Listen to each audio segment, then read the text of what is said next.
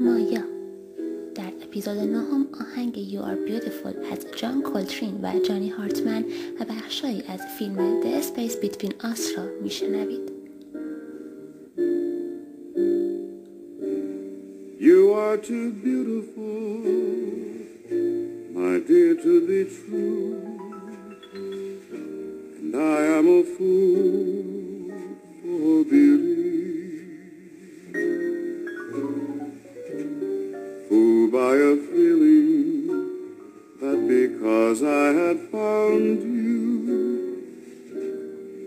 I could have bound you too. You are too beautiful. از ویژگی های مثبتی که عکاسی داره اینه که میتونی بیشتر از یه بار زیبایی ها رو ببینی. من هیچ وقت بلد نبودم یه عکس خوب بگیرم و فکر کنم زینب بیشتر از هر کسی از این بابت شاکی بود. همه طراح های نشریش فقط از یه نوع عکس ایراد می گرفتن و همه اونا عکسایی بودن که من گرفته بودم بدترین قسمتش مربوط به عکسای سکینه بانو کیانی بود همه ما اون روز با یه عالم ذوق سوار ماشین رامین شدیم تا برای یکی دیگه از مصاحبه های بانکو بریم خونه محمد بهمن بگی و خود زینب حسی که زینب به من منتقل می کرد فراتر از خوشحالی درونی و بروز نداده خودم بود. خیابون و کوچه هایی که برای رسیدن به زیبایی های اون روز طی کردیم طولانی تر و کشیده تر از هر جای دیگه شیراز بودن. تا اینکه رسیدیم. از اونجا به بعد دیگه هیچ چیزی رو نمیتونم توصیف کنم یا حتی توضیح بدم. یه خونه که بیشتر شبیه موزه خاطرات بود و یه خانم زیبا که به رنگ سبز و زرد میدیدمش. اون زیبایی رو واقعا نمیتونم براتون توضیح بدم. شاید اگه از زینب بپرسین با کش و قوس و ظرافت بیشتری براتون تعریف کنم.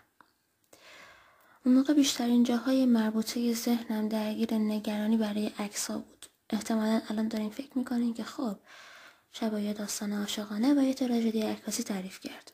حتما الان قراره یه پایان خوش داشته باشه. اکسا بهترین تصاویر ثبت شده من بودن و کلی ازشون تمجید دنیای ما زیاد جای معجزه ها نیست. اکسا مثل همیشه افتضاح بودن. فقط میگم شاید از اون آدمام که بهتر از زیبایی ها توی همون لحظه ای که هستم. لذت ببرم شاید قرار نیست از من چیزی به کسی یا جایی برسه. سیاهی های دو چشمت مثل دنها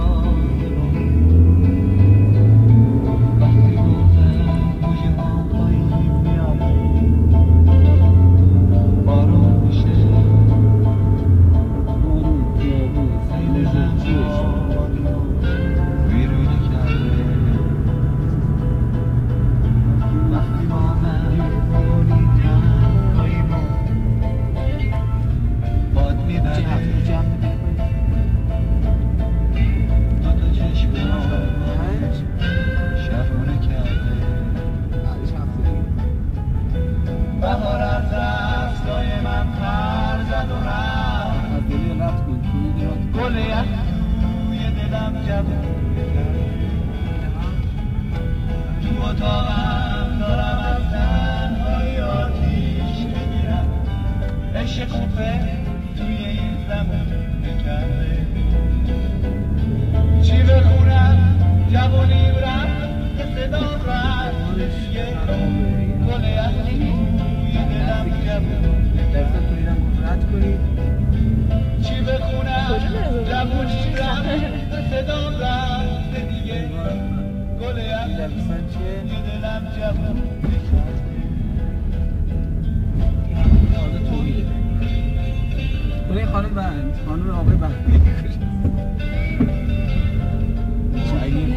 Vivo aquele assim.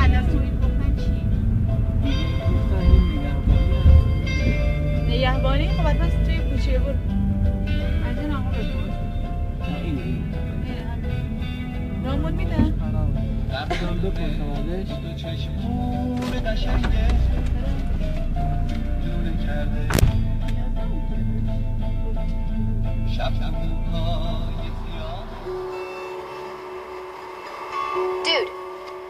have a problem? Because you've definitely been looking at me for the last four hours and it's starting to freak me out. You're so beautiful. And then you blurt that out just like that? What? Yeah, why wouldn't I? Uh, uh, because you may want to just play it cool, you know? Ease yourself into the love game. But I do think you're beautiful. You're the most beautiful girl I've ever seen. Okay, just slow your roll, kid. You're... You gotta calm down.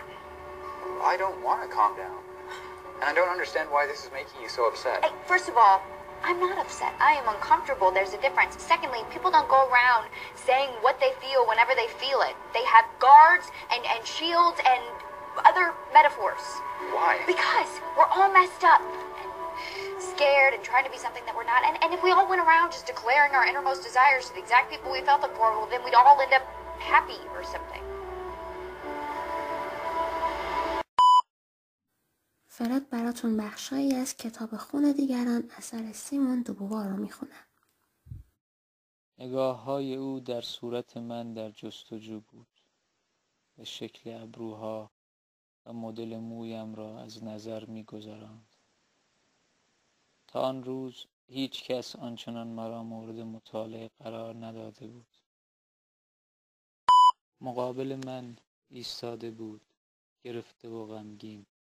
و من احساس کردم غم تمام وجودم را میگیرد هلن به شدت گریه میکرد بینی و گونه های شکبار سرخ و متورم شده بود همه بسیار بدی در دهانم احساس میکردم به نقطه ای خیره شد به نظر می رسید که با دقت سرگرم خواندن کتاب مشکلی است دچار جدالی درونی بودم آیا عاشق او نبودم او که تا آن حد به من نزدیک بود دلم میخواست آرامش کنم هلن با آرامی گفت تو مرا دوست نداری خیلی مسخره است وقتی که من اینقدر تو را دوست دارم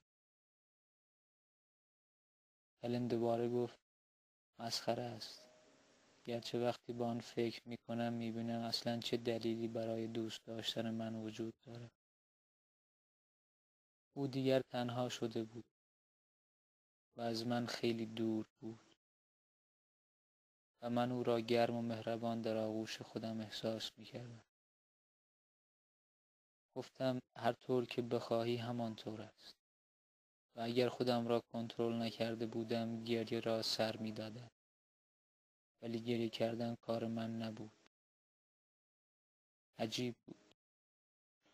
طوری به او نگاه می کردم که گویی شخص دیگری دست بریده خودم را در یک ظرف شیشه ای نشانم داده بود. سعی کردم جلوی عشقهای نریختم را بگیرم. تمام شد. عشقهای او و رنجی که می کشید قبلا وجود نداشتند ولی حالا آنجا بودند. به خاطر من گذشته مانند زخمی به هم می آمد. حالا دیگر تصمیمی که گرفته بود پشت سرش بود درست مثل آن چیزهایی که او نخواسته بودشان ولی وجود داشت با خودش فکر کرد این منم و دلش خواست به صدای بلند بخنده احساس می کرد آرامش به مانند گرما در گرمای تب در تنش جریان می آورد با پاهای برهنه روی کف اتاق راه میرفت. آن روزها او جوان بود و زندگی در مقابلش بود ولی حالا عمری را پشت سر داشت. عمری تلف شده. تک و, تک و توک رهگذرهایی که در حال عبور بودند عجیب تنها و مفلوک به نظر می آمدند. اینها تنهایی را در بدشانسی و حراس تجربه کرده بودند و حالا ته... تهنای تهنا. همچون گم شده در بیابان در بدبختی و نامیدی سرگردان بود. چیزی در درون من در حال مبارزه بود. کافی بود آن را به صورت چند جمله در بیاورم و با مفهومی غیر قابل انتظار به گوش هلم برسانم. و وقتی آن را بیان می کردم یعنی از لحظه ای که او آن را می شنید دیگر اختیاری نسبت به آن نداشتم. هلن چنان گرم و مهربان به من